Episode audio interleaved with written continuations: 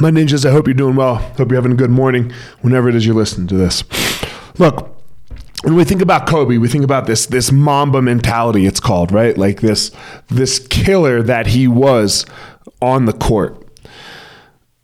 What we got to do here is we got we got to peel one layer back of the onion, okay, and and ask how how did how did he develop that mentality?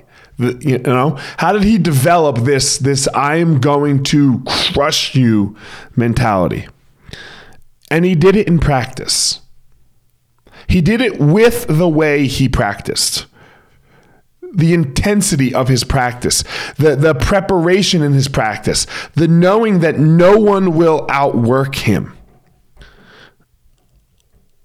And the reason that I use these these sports metaphors a lot is because they just work so fucking well when you relate them now to your life, when you relate them to what it is you're going to do.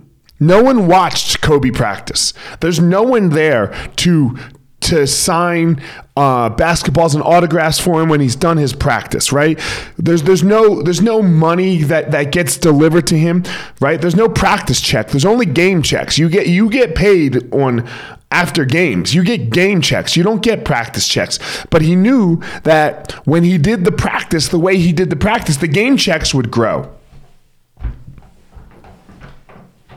So let me ask you what your practice looks like.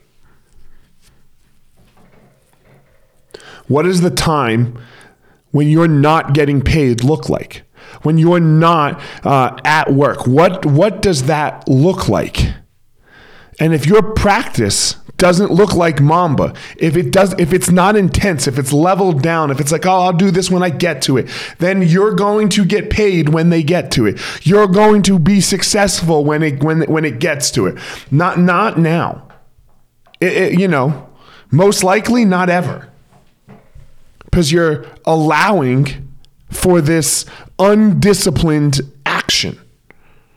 You're allowing for this uh, feeling of motivation to be the determining factor of when you work and don't work, when you're a good dad and when you're not a good dad, when you do your responsibilities and eat healthy and exercise and all of the things that we constantly talk about on here.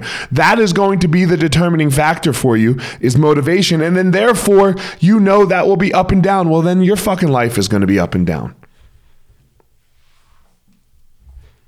That's on you. That's your choice.